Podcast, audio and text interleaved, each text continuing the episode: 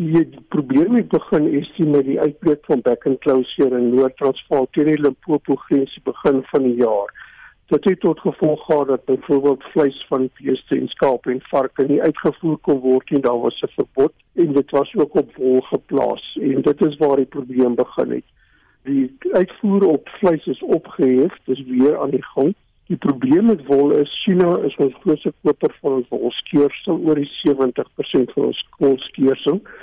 En China dring daarop aan dat die wol wat na hulle toe gaan moet tot vir 4 maande geperg word onder sekere temperatuurtoestande voordat dit gaan toelaat om uitgevoer te word. So dit beteken nou daar's 'n hele opeenhoping van 4 na 5 maande van wol wat in Suid-Afrika geperg moet word. Is dit dan nou ook die rede hoekom die nasionale wolveilings wat verlede week en van dese week in Port Elizabeth gehou se word gestaak is? Ja, die kopers van wol of die agente wat in Suid-Afrika optree, se siening is hulle koop die wol op die veiling, hulle die boer word betaal binne 'n sekere aantal dae en dan moet hulle die koste dra om hierdie wol vir 4 maande te stoor en dan nog 'n maand om dit in China te kry en dan kry hulle eers hulle geld terug. So hulle is 5 maande te min kapitaal wat lê teenoor voor wat dit 'n baie korter tydperk was. En dan natuurlik voel hulle ook dat die maatreëls van die Chinese ingestel het onregverdig is dat dit nie nodig is nie en dat daar 'n bietjie van 'n meningsverskil tussen hulle en China en ons departement van landbou is wat hulle besig is om te probeer uitstryk. So dit gaan doodgewoon oor 'n tekort aan oorbruggingskapitaal vir die mense wat die wol moet uitvoer China toe. Maar Johan, dit is 'n enorme krisis in die land. Hoe raak dit wolprodusente? Nee, dit raak hulle baie ernstig want um, wolprodusente skeer enigiets van 8 maande tot 12 maande wol per jaar. So dis een of twee keer 'n jaar wat jy inkomste het. En nou kan hulle nie daardie produk omsit in kontant nie en hulle nou soos dit op die oomblik staan is daar nie veilinge nie en dan moet hulle nog steeds ook 4 of 5 maande wag afhangende hoe die ding nou uitspeel voor 'n kontantvloei. So die wolboere is besig om 'n baie ernstige kontantvloei probleem in te loop want hulle kry nie hulle produk verhandel nie. Hoe kan dit beredder word? Wel, die ene is hulle is nou besig om te onderhandel met die Chinese om te kyk of hulle nie die hele termyn kan verkort en ander maatreëls gaan tref nie wat ek verstaan wel moontlik is.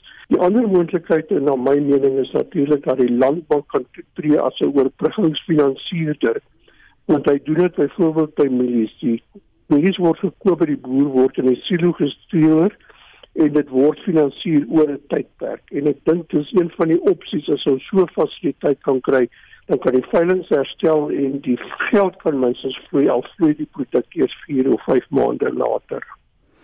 Johan het nou verduidelik dat 'n groot 70% van ons wol word uitgevoer na China toe. Sou dit dan korrek wees om te sê as dit swaar gaan in die wêreldekonomie, het dit ook van selfsprekende impak op wolverkope en veral wolpryse in Australië het 'n direkte impak op die Suid-Afrikaanse wolindustrie. Hoekom? Ons Suid-Afrikaanse wolveilingspryse volg die van Australië direk. Nou, nou Australië is natuurlik die leier in die wolbedryf, die grootste produksie van wol in Suid-Afrika. China is die grootste koper van wol in die wêreld. Hulle koop ook die meeste van die Australiese wol. Die dilemma met wol is dit word as 'n luukse produk geklassifiseer en wat ons in die verlede gevind het sodra ekonomie onder druk kom na skaal mense af op volklere na meer sintetiese goedkoper klere.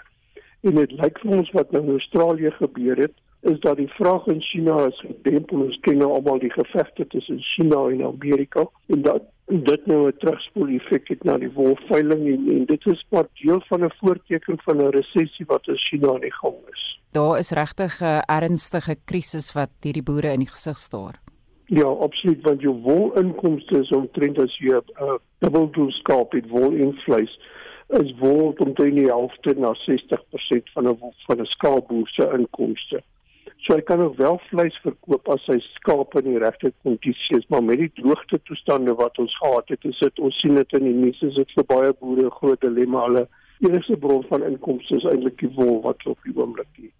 Johannes, daar enige ander manier hoe hierdie situasie beredder kan word, hierdie krisis in die wolbedryf?